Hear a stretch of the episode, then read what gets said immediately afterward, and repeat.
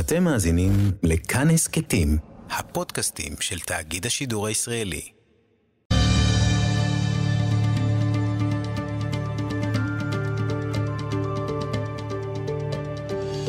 כיוון הרוח עם בני טייטלבוים שלום, השופט צבי טל שהלך לעולמו היה חריג בנוף של בית המשפט העליון. אדם דתי, תורני, רחוק מאוד מהחילוניות שמאפיינת גם כיום את השופטים בעליון. צבי טל גם לא היה אקטיביסט, הוא יצא נגד היומרה של בית המשפט העליון להבין ולהחליט בכל נושא ולנהל את המדינה. ביום עצמאות, לפני יותר משנה, ראיינתי אותו גם על שמחת הקמת המדינה, גם על ענייני משפט, גם על אה, בנו שנפל בסופה של מלחמת יום הכיפורים. בהמשך נביא את הרעיון המלא, אבל אה, כעת נדבר עם בנו שמעון. שלום וברכה, שמעון טל. שלום, שלום. אנחנו משתתפים בצערכם הכבד. תודה. תנחומינו. תודה רבה. אבא בן 94? כן. שבע ימים? בשיבה טובה אומרים על זה. כן. לצד אה, אימא שתחיה עד 120, שכבר 95 עוד מעט. אמא הייתה מבוגרת מאבא? מבוגרת. בחצי שנה, כן. אה, בטח היה, היו הרבה בדיחות משפחתיות על זה, אני מניח. בהחלט, בהחלט. אבל היחד שלהם של 71 אה, שנים בזוגיות נפלאה, אה, באמת, רק השאיר מקום לבדיחות על הפער הזה, כי היו שם דברים נפלאים. 71 שנות נישואין? כמעט, 70 וחצי, חגגנו יותר בכסלו האחרון 70 שנה, כן. צלול עד הסוף הבעיה? לגמרי, לגמרי. חד וכתער, אני רק אה, בשבועות האחרונים אה, הוא התארח בביתי, אני גר ברמת הגולן, שיעור אה, של בחורים מישיבת ההסדר בגולן, בא אלינו הביתה לשמוע שיחה ממנו.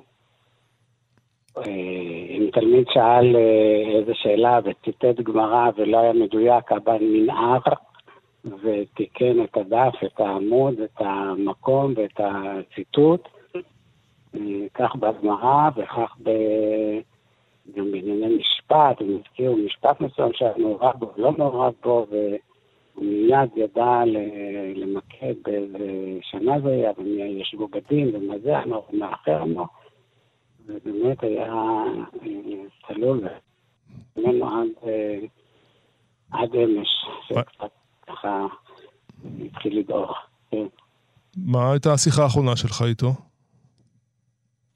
השיחה האחרונה שלי איתו, אה, אבא מהשפעה, אמר מצוין, טוב מאוד, ברוך השם. אני ידעתי שבאותו יום הוא היה אצל רופא והוא סבל כאבים, אבל uh, בערב שהוא שמע אותי, והוא ישב בבית שלו, אז uh, כל הכאבים וכל הייסורים, אולי אפילו יסורי גוף, שהיה לו ככה בשבועות האחרונים, נעלמו, והוא תמיד תמיד בחר את ה... להודות, טוב להודות להשם ולהלל, באמת mm-hmm. לא להתמסר לדברים הפחות טובים. אנחנו ראיינו את אביך לפני יותר משנה ביום העצמאות.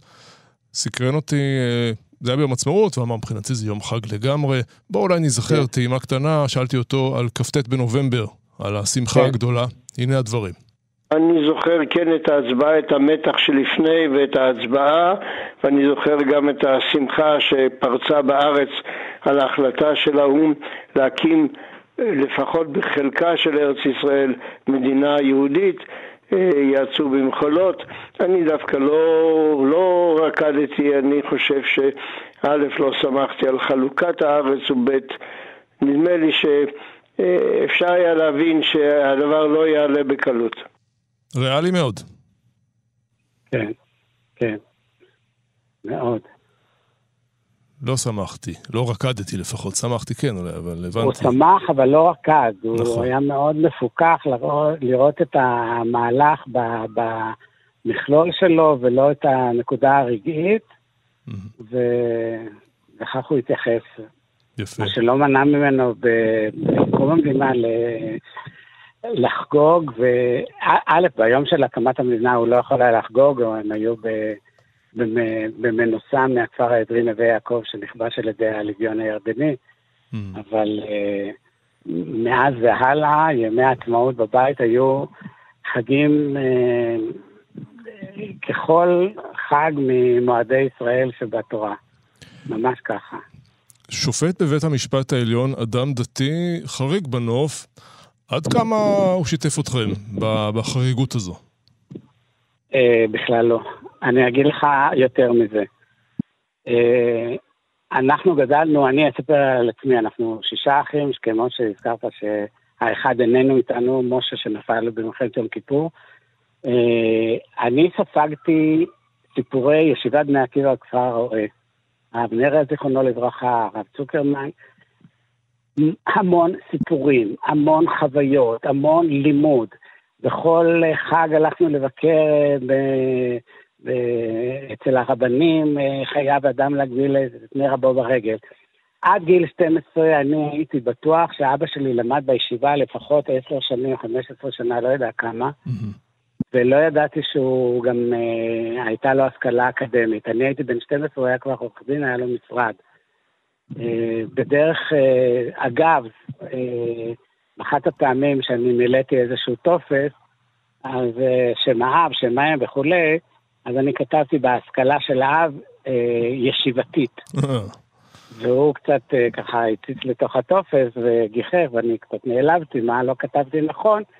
אז הוא אמר שאני חושב, ככה הוא אמר בענווה כזאת, שהוא חושב שמתכוונים למשהו אחר מישיבתית. אמרתי, אבל אני לא, לא ידעתי, אני לא יודע שאתה למדת חוץ מישיבה בעוד איזה מקום. אז הוא אמר לי, באוניברסיטה העברית. עכשיו, אני עומד פה על המרפסת של הבית, ואני רואה מפה את האוניברסיטה העברית, וכך גדלתי מול האוניברסיטה העברית.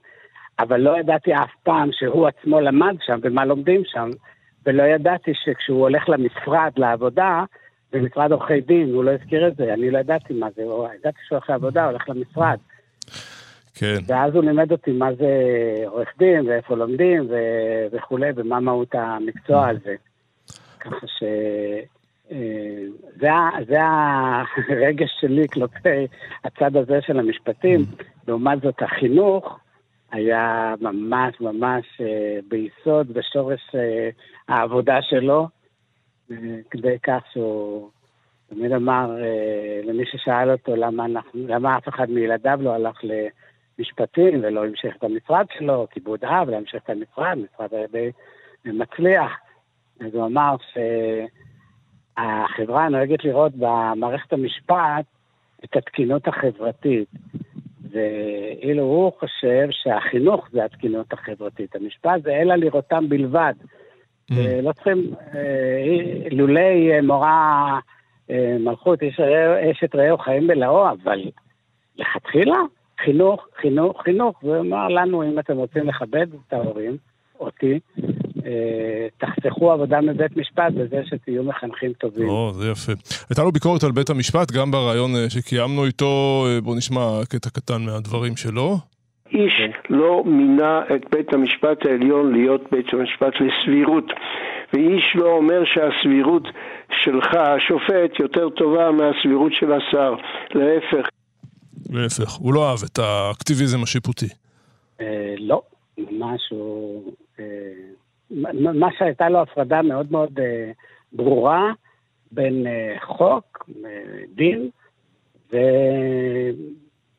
ומוסר וערכים, ששוב, כמו שאני אומר, החינוך הוא ממונה על, באמת על, אה, על ערכים, על מוסר, על אה, ההתנהגות, אבל כש... והוא התקינות החברתית, כמו שהוא אמר. כשמגיעים לבית המשפט, אין תפקידם של השופטים לחנך, זה מאוחר מדי, זה לא המקום לחנך. וגם כל אחד בא עם הערכים שלו, כל אחד בא עם, ה, עם ה, אה, אמות, אמות המידה המוסריות שלו, נכון. אז מי, מי זה יודע מה זה אדם הסביר, מי זה יודע מה ראוי או לא, זה, זה לא נתון לשופטים, לא, לא בזה הם יתמכו, ובאמת כמו שהוא אומר בריאיון, הוא לא, לא ראה בהם, אה, לא בו עצמו ולא בחבריו. אה, שהם גדולים מאחרים בעניין הזה. שופט צריך לשלוח אדם לכלא לשנים רבות. אתה זוכר אה, לבטים, ייסורים? כן. הגם שכשהוא התמנה לשופט, אני כבר הייתי די, כאילו, לא, לא בבית שלו, הייתי כבר בבית של עצמי. Mm-hmm. אבל בכל אופן הזדמנתי לא מעט אה, לביתם של הוריי, אמא שתהיה בריאה עד 120. אה, באמת, אחת הפעמים, ראיתי אותו באמת בשעת לילה מאוחרת, האמת היא לא אני ראיתי, חבר סיפר לי שהוא מה, מהרחוב, ראה פעם את האור דולק נורא מאוחר במרפסת, הוא ראה את אבא שלי שם מסתובב, וחשב מה זה היה, וכשאני שאלתי את אבא, אז הסתבר uh, שזה היה באמת ערב uh, הכרעת דין, אולי אפילו כבר גזר דין, של uh, משפט, uh, של כלא. Mm-hmm. והוא אמר, זה באמת ייסורים וחיבוטי נפש, גם כשברור לו הליבון של המשפט, אבל עדיין האדם מולו, ונורא חשוב לו לברר ועוד אה, להיות שלם עם עצמו לגמרי לגמרי, וזה הדיר שינה מעיניו. יחד עם זה, אה, אה, עוד דבר הוא אמר, שני דברים, ש, שהאדם הממוצע מדפדף בעיתון וקורא שאדם נגזר עליו ארבע שנים בכלא, חמש שנים בכלא, הורידו לשתיים, הורידו, העלו לשלוש. הוא אומר, כאילו זה מספרים במתמטיקה. הוא אומר לי, אתה יודע מה זה יום אחד בכלא עם הריח של הליזול, יום אחד. אז אנשים מדפדפים ככה ולא יודעים איזה שיבוטי נפש בהחלטה, אם זה יהיה שנתיים וחצי, או עוד חודשיים, או פחות חודשיים. כן. עוד יותר. באחת הפעמים שהוא התארח אצלי, אצלנו ברמת הגולן, הוא שבר את החופשה בנסיעה, בגיחה, לירושלים, זו הייתה פגרת בתי משפט, mm-hmm. ושאלתי אותו למה הוא נוסע, והוא אמר שיש מישהו שהוא חייב, אה, אה, הוא, הוא תורן, אני לא יודע אפילו אם הוא תורן, אבל אה, לדון בעניינו. אמרתי, מה, אה, זה, אמר לי, הוא במעצר, אז אמרתי, ומה יהיה אם הוא יהיה במעצר ובעוד שבוע אתה, אם אתה יודע שהוא במילא הולך למאסר? הוא אמר, תדע לך, התנאים במעצר גרועים פי כמה מאשר במאסר. כל רגע במעצר הוא עוד גרוע מאשר במאסר מבחינת התנאים. ואני הולך להגיד שהוא, לגזור את גזר הדין, שילך לכלא והוא ילך לכלא. אבל הוא יהיה בתנאים של אסיר עם הזכויות של אסיר. והוא נסע לשם כך מרמת הגולן ו... וחזר אה, באותו יום. זה סיפור אה, יפה. אה, הוא עמד בראש ועדת טל המפורסמת, שנקראת על שמו כמובן. אתה זוכר לחצים מכיוון הצבא, מהכיוון החרדי, שהוא סיפר לך? שוב, לחצים, הוא לא שיתף אותי בלחצים. אני ראיתי בעיתונים, ראיתי בתקשורת, אבל כן זכור לי פעם אחת, שוב, שבתקופה הזאת, אה, כשהתארחתי פה, והלכנו ביחד לבית הכנסת, ואולי אה, חלק מהמאזינים מכירים, אנחנו גרים, ההורים בשכונת בית וגן בירושלים, שהבית כנסת, השטיבל של חסידי סוחצ'וב, זה הבית כנסת שלו, שהוא כשם שהוא נטוע בעולם המשפט העברי והישראלי, הוא נטוע עולמות החסידות מבית אה, הוריו בגליציה, על כל תג ותג של הסיפורים החסידיים והמנהגים החסידיים, וגם מהתפילה בקריאה בתורה בעברה אשכנזית עם חטא ועין. וכשיצאנו אה, מבית הכנסת, עמדו קבוצה של אנשים עם שלטים בגנותו. אה, על זה שהוא משתף פעולה עם הממשלה ונגד, ה, כביכול נגד החרדים, בזה שהוועדה אה, תיקח אותם לצבא, או איך שמסתכלים על זה. Mm-hmm. ואני נורא, נורא, לא רציתי ש... אה, שיכאב לו. אז אה, כאילו חיפיתי עליו בגופי, וככה הלכתי בצורה שקיוויתי שתסתיר לו את השלטים. וכשהתרחקנו, הם גם אה, אמרו כל מיני דברים שאני לא, לא יודע מה, אבל לא, לא מחמיאים. וכשהתרחקנו, אז שאלתי אותו אם, אה, אם זה פוגע בו. אז הוא אמר לי, מה? אז אמרתי, האנשים שעומדים שם. הוא אומר לי, מי? אז אמרתי, אנשים שעמדו עם שלטים. הוא אמר, אני לא רואה, אתה ראית, הוא שואל אותי, אתה ראית אנשים עם שלטים? אמרתי, כן. אני לא ראיתי. אה, אני חושב שהעיניים ראו, הלב אה, לא ראה ולא רצה לראות, ובענווה אמיתית הוא לא, לא הגיב, והיה מהנעלבים ואינם עולבים, שומעים חרפתם ואינם משיבים. כן, אה, בריאיון שנשדר אותו בהמשך, הוא סיפר גם על בנו, אחיך, משה, שנפל במלחמת יום כן. הכיפורים. כן. כן. הוא, אתה יודע, אב שכול, קשה לקום מהשבר, אבל בכל זאת, לפחות כלפי חוץ, החיים המשיכו כמובן, עד כמה מותו, נפילתו של אחיך רבצה כאבן, ככה, כאבל כבד על המשפחה לאורך השנים. כמה הנושא היה מדובר? אה, ככה,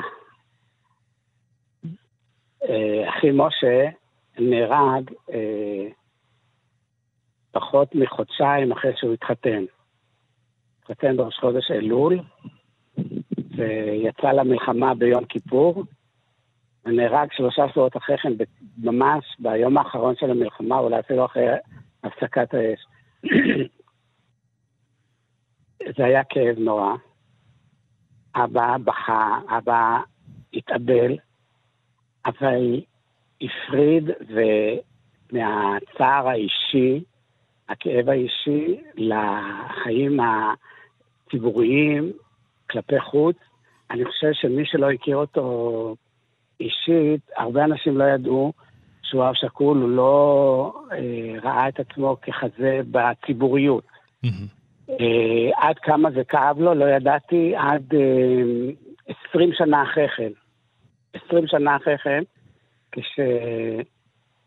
כשבאיזשהו כינוס משפחתי אינטימי שרק אבא, אימא אה, לחיים ארוכים ו... וילדיו, אני ואחיי, ישבנו ושוחחנו מה, מה עבר על כל אחד מאיתנו ב-20 שנה מאז שמשה נהרג. ואז הוא התבטא בצורה שבאמת אה, ריגש מאוד. הוא אמר שבמשך תקופה ארוכה הוא היה נוסע במסגרת העבודה שלו כעורך דין, היה לו יום בשבוע שהוא היה נוסע לחיפה. ותמיד הוא היה עוצר לחיילים, ודאי, טרמפיסטים, אז היו נוסעים בטרמפים. הוא אומר, ובאותה תקופה לא עצרתי לחיילים בטרמפיאדה, כי אני ידעתי שאני מזמין את הקודש ברוך הוא לנסיעה הזאת, ויש לי איתו דין ודברים. הוא אומר שבמשך, אה, אני יודע, אז היו נוסעים שלוש שעות, הוא אומר, אני לא יודע איך מבעד לדמעות ראיתי את הדרך לנהוג, אבל דיברתי וטבעתי את, את, את, את uh, חייו של משה. והוא אומר, ונשארתי עם חשבון שבבוא העת אני ארצה לקבל מהקדוש ברוך הוא. אני חושב שהיום הוא הולך uh, לשמוע את ההסבר על מה ולמה. למשה אחי נולד בן שמונה חודשים אחרי שהוא נהרג. משה לא ידע שאשתו בהיריון. משה היה פחות מגיל 20 כשהוא נהרג, וכל כך מעט ימים הוא היה במחיצת אשתו, ואיזה יופי שיש אה, בן שנושא את שמו, ובאמת זה המשך, אה, הבן הזה גם היה קצין בקבע, רק השתחרר לפני מעט שנים והלך לחינוך, עכשיו הוא מחנך כיתה. והבן שלו, כלומר הנכד של אחי, ש... משה, כן. משה, הוא היום אה, פרח טיס בשלבים מתקדמים, והמשפחה באמת, אבא ואמא חינכו לציונות, לעשייה, להתיישבות, לצבא. יפה. ורבים מהנכדים שלהם ממש, גם בהתיישבות, גם בביטחון ובחינוך. שמעון טל, על אבא, צבי טל, השופט צבי כן. שהלך לעולמו. אנחנו מאחלים לכם שמחות במשפחה, במשפחה ומשתתפים בצערכם הכבד. תודה רבה, שמעון. אמן. תודה, תודה לכם. שלום.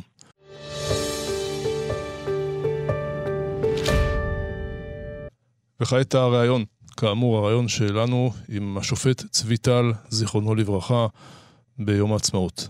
אנחנו עכשיו איתך, השופט אה, בדימוס אה, צבי טל, שלום אדוני. שלום וברכה, מועדים לשמחה. מועד טוב, חגים וזמנים לששון משיבים בחול המועד. אפשר גם היום להשיב? כן. מבחינתך יום עצמאות הוא יום חג ושמח לכל דבר. בוודאי. אתה זוכר את אה, הקמת המדינה, את היום הזה, את ה' באייר? תראה, ה' באייר בזמנו, לא, לא, אני הייתי אה, ב... בנווה יעקב, הכפר העברי נווה יעקב, כפר קטן צפונית לירושלים כחמישה קילומטרים לא רחוק מעטרות והיינו בשדה כדי להבטיח, לבטח או להבטיח את נסיגתם של אנשי עטרות שעזבו את הכפר שלהם והניחו את הכל כמו שהיה ועברו אלינו לכפר עברי נווה יעקב כי לא יכלו יותר להגן על עטרות כך שבאותו ליל שבת, אותו יום שישי, אותו ליל שבת בכלל לא היינו מודעים למה שנעשה בארץ על הכרזת המדינה רק כמה ימים אחרי כן נודע לנו שהוא הוכרז על הקמת המדינה. כן, רק כדי לעשות אה, סדר בהיסטוריה, אותם, אה, אותם אנשים מעטרות אחר כך הקימו את היישוב בני עטרות ליד שדה התעופה בן גוריון, אם אני זוכר נכון. נכון, קודם כל עברו לווילהלמה ואחר כך לנחלים, כן. כן אבל נשארו, כן, זה נכון, מה שהיה וילהלמה עכשיו זה נקרא בני עטרות. אז ההתרגשות לא הייתה, או אולי אחר כך. תשמע, לא היה לנו זמן להתרגש, אנחנו זרמנו עם המאורעות. היינו צריכים להגן, עמדנו בהתקפות, היו בעיות אה, הגנה ובעיות של מזון, לא, לא היה לנו זמן להתרגש. כלומר, לעכל את גודל העניין שאחרי חורבן בית המקדש 1900 שנה ומשהו אחרי, העם היהודי שוב מתקבץ בישות מדינית פוליטית. מתי אתה מבין את המשמעות של זה? הרבה הרבה זמן אחרי כן. כי המלחמה העסיקה אותנו כל הזמן, וכשאתה נמצא בלחץ של המלחמה, אתה לא חושב על מאות היסטוריים. בכל אופן, אה, מעניינת אותי אה, ראיית פרספקטיבית של 72 אה, שנים לאחור, כאשר אתה היית גם כאן בהתחלה ואתה נמצא גם איתנו היום לאריכות ימים ושנים עד 120. אירוע מופלא והיסטורי וחסר תקדים בכל קנה מידה, הקמת המדינה וגם הצלחתה. מסכים אתה... עם כל מילה שאתה אומר. ובכל זאת אה, רבים מקרב שומרי, הציבות, אה, שומרי המצוות בציבור החרדי, לפחות בתחילת ימיה של המדינה, מה, לא הבינו את גודל השעה אה, להודות לקדוש ברוך הוא על הנס הזה? זה צריך לשאול אותם, אבל תשמע, מחלוקות היו תמיד בעם ישראל מאז ומקדם. וכמובן, אם קם משטר שאיננו מקבל על עצמו עול תורה ומצוות, אז בעיני שומרי תורה ומצוות יכול, יכולים אה, להבין את, ה, את הבעיה ואת ההתנגדות. אה, עוד חוויות שלך, ככה מהשנים האלה, אני מבקש ממך בימים ש... אתה זוכר את כ"ט בנובמבר? את ההצבעה? אני זוכר כן את ההצבעה, את המתח שלפני ואת ההצבעה, ואני זוכר גם את השמחה שפרצה בארץ על ההחלטה של האו"ם להקים לפחות בחלקה של ארץ ישראל מדינה יהודית. אה, יעצו במחולות. אני דווקא לא, לא רקדתי, אני חושב שא' לא שמחתי על חלוקת הארץ וב' נדמה לי ש... אפשר היה להבין שהדבר לא יעלה בקלות. מעניין. אה, ברבות אה, השנים הפכת להיות שופט בית המשפט העליון. אה, בית המשפט, מערכת המשפט, ליוותה את המדינה מהקמתה. בכל אופן, משהו השתנה בה, גם במעשיה וגם ביחס אליה מבחינת הציבור. איך אתה רואה את העניין הזה? תראה, בית המשפט העליון צריך לדעת שהוא מעוז לדל הוא, הוא, הוא באמת, הוא מבטח ל, ל, לצדק, לשלטון החוק, הוא באמת עומד על רמה גבוהה מאוד והוא מוערך מאוד גם בכל העולם, והוא עומד על, אה, באומץ על מול שלטון אוטוקרטי ועומד על חופש הביטוי, על חירות האזרח, זכויות הפרט, ובאמת קנה את עולמו. אה, והיה זמן שבאמת מעמדו של בית המשפט העליון היה גבוה מאוד בתוך אה, המערכת של הערכים שהציבור אה, היה העריך. בשנים האחרונות, כפי שידוע, זה לא חדש, שמעמדו קצת התערער, שנוי קצת מחלוקת וכדומה. אם אתה שואל אותי מה קרה, איך, איך, אז אני אומר לך כך, כידוע שיש לנו שלוש רשויות, הרשות המחוקקת, השופטת והמבצעת. אם כל רשות הייתה שומרת על גבולותיה, לא תמיד אפשר, אבל עד כמה שאפשר אני חושב שזה היה בעבר, שגם הרשות השופטת שמרה על גבולותיה ולא חרגה מהגבול שלה להיכנס לתוך אה, גבולות של הרשות המבצעת. אה, אני חושב ש... אה, נגיד ככה, המשפט העליון עובד בשני כובעים. הכובע האחד של, שופ... של בית משפט, של שומע ערעורים מבית מש... מבתי משפט הנמוכים יותר, בין אם זה פלילי, בין אם זה אזרחי, בין אם זה ציבורי, זה, בכובע הזה הוא קנה את עולמו וגם היום אין ערעור עליו, והוא מוערך מאוד בכל העולם. הכובע השני הוא כובע יותר ססגוני, והוא נקרא כובע של בג"ץ. בג"ץ זה כידוע ראשי תיבות בית גבוה, בית משפט גבוה לצדק, לצדק. פה בית המשפט כבר דן לא מה אמת ומה שקר, מה נכון ומה לא נכון בין התובע והנתבע, אלא מה ראוי, מה נכון לעשות, מה ראוי לעשות. זאת אומרת, פה יש הערכה שגם תלויה במטען התרבותי של כל שופט ושופט לדעת מה צדק, מה לא צדק. וגם כאן היו שנים שבית המשפט היה מוערך מאוד, כי באמת, כמו שאמרתי, היה מעוז לדל ומחסה לאביון ועמד על חירות, על החירויות ועל שלטון החוק. אה, לפי דעתי, הערעור קצת במעמדו של בית המשפט העליון התחיל כאשר נוסף לכל השיקולים שלו אה, נכנס גם השיקול של הסבירות. אה, סבירות פירוש, זה בית המשפט העליון לצדק, זאת אומרת הוא נגד עוולה, אבל הוא לא בית משפט גבוה לסבירות. אף אחד לא עשה את השופטים יותר סבירים מכל בני אדם אחרים אה, אינטליגנטים ומחונכים. אה, הוא, אם בית המשפט כשהוא אומר שההחלטה של השר או של איזה גוף ציבורי לוקה בחוסר סבירות, חוסר סבירות בעיני מי? בעיני השופט. זאת אומרת, הוא שם את הסבירות שלו במקום הסבירות של השר. כאילו, אז ולפעמים עוד יותר, שהוא אומר ההחלטה של השר לוקה באי סבירות קיצונית, פירוש הדבר שהוא אידיוט גמור.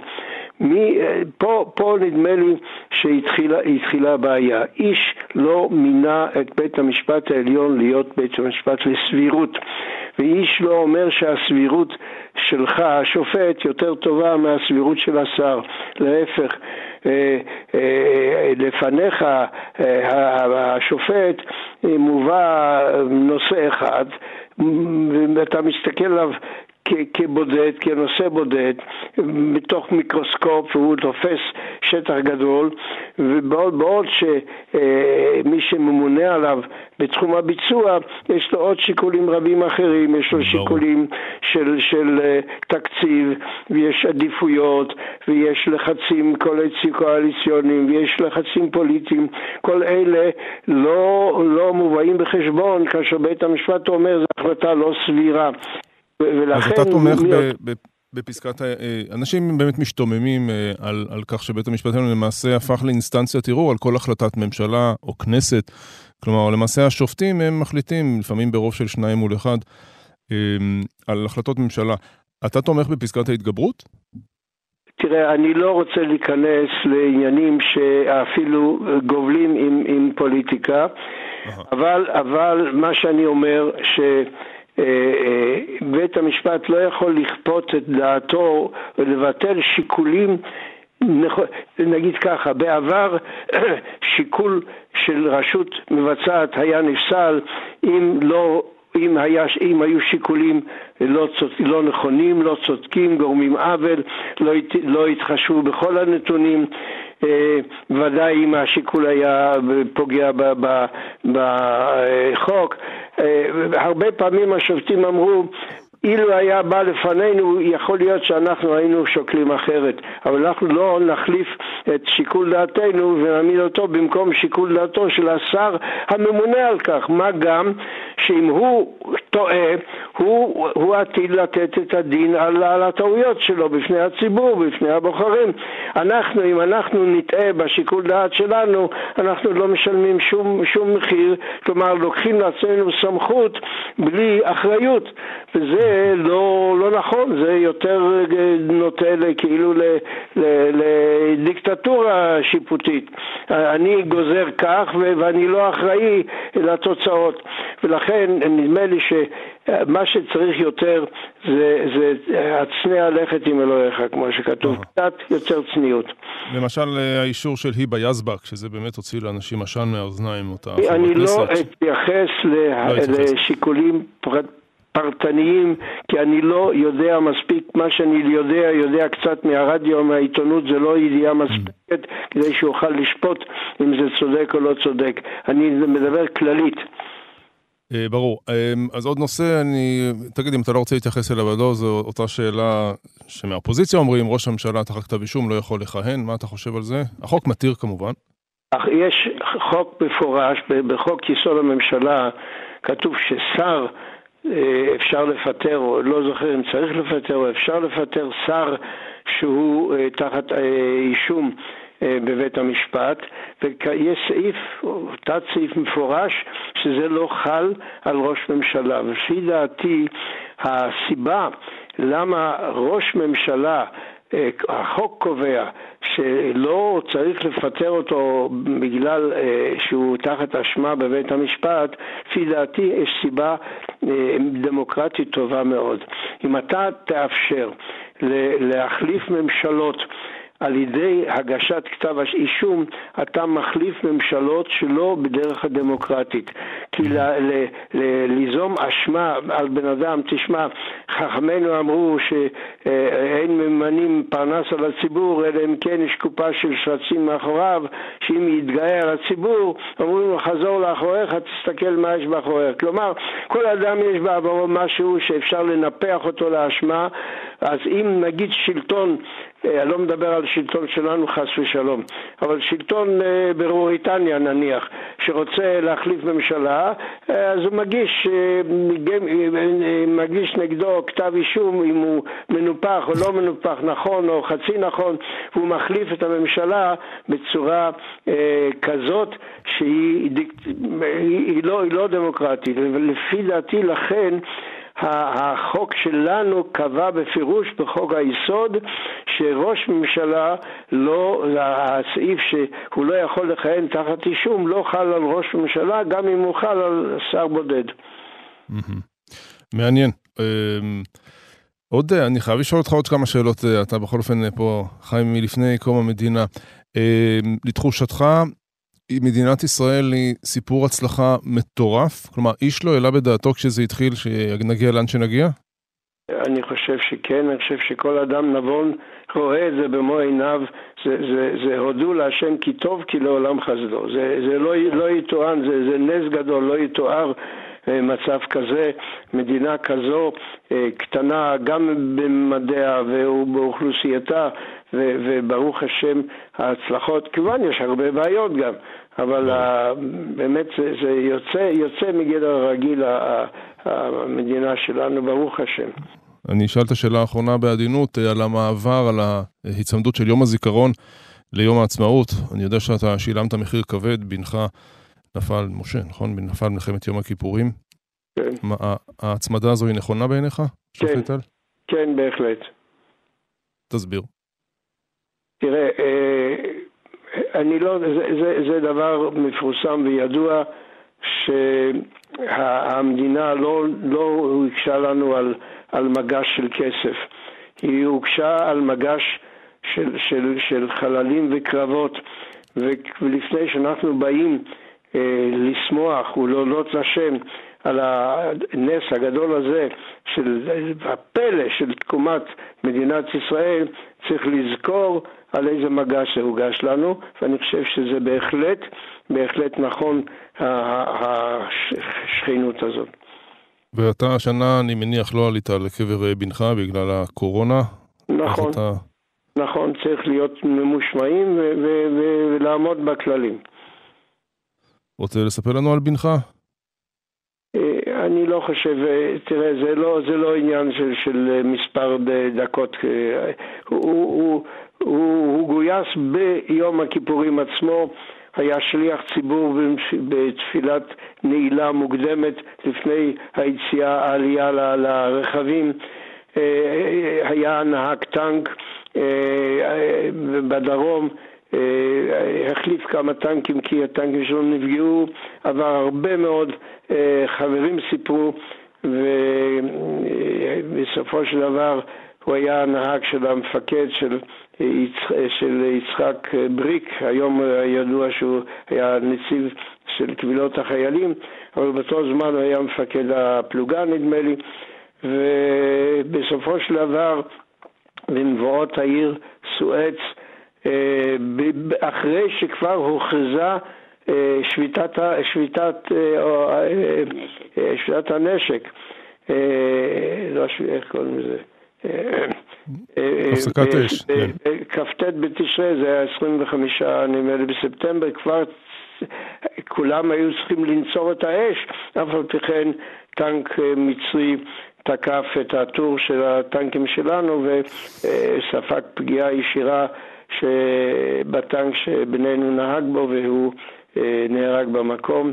אבל אה, כמובן שזה, אה, הכאב הוא, הוא כאב, אבל ברוך השם שבנו אחריו המשיך את דרכו בצבא, ולא מזמן הוא השתחרר משירות צבאי מפואר בדרגת סגן אלוף, וברוך השם אנחנו אה, מודים להשם על, על הטוב. השופט בדימוס, צבי טל, שיהיה מועד טוב, חג שמח והרבה בריאות ואריכות ימים. אמן, תודה רבה וברוכים תהיו, כל טוב.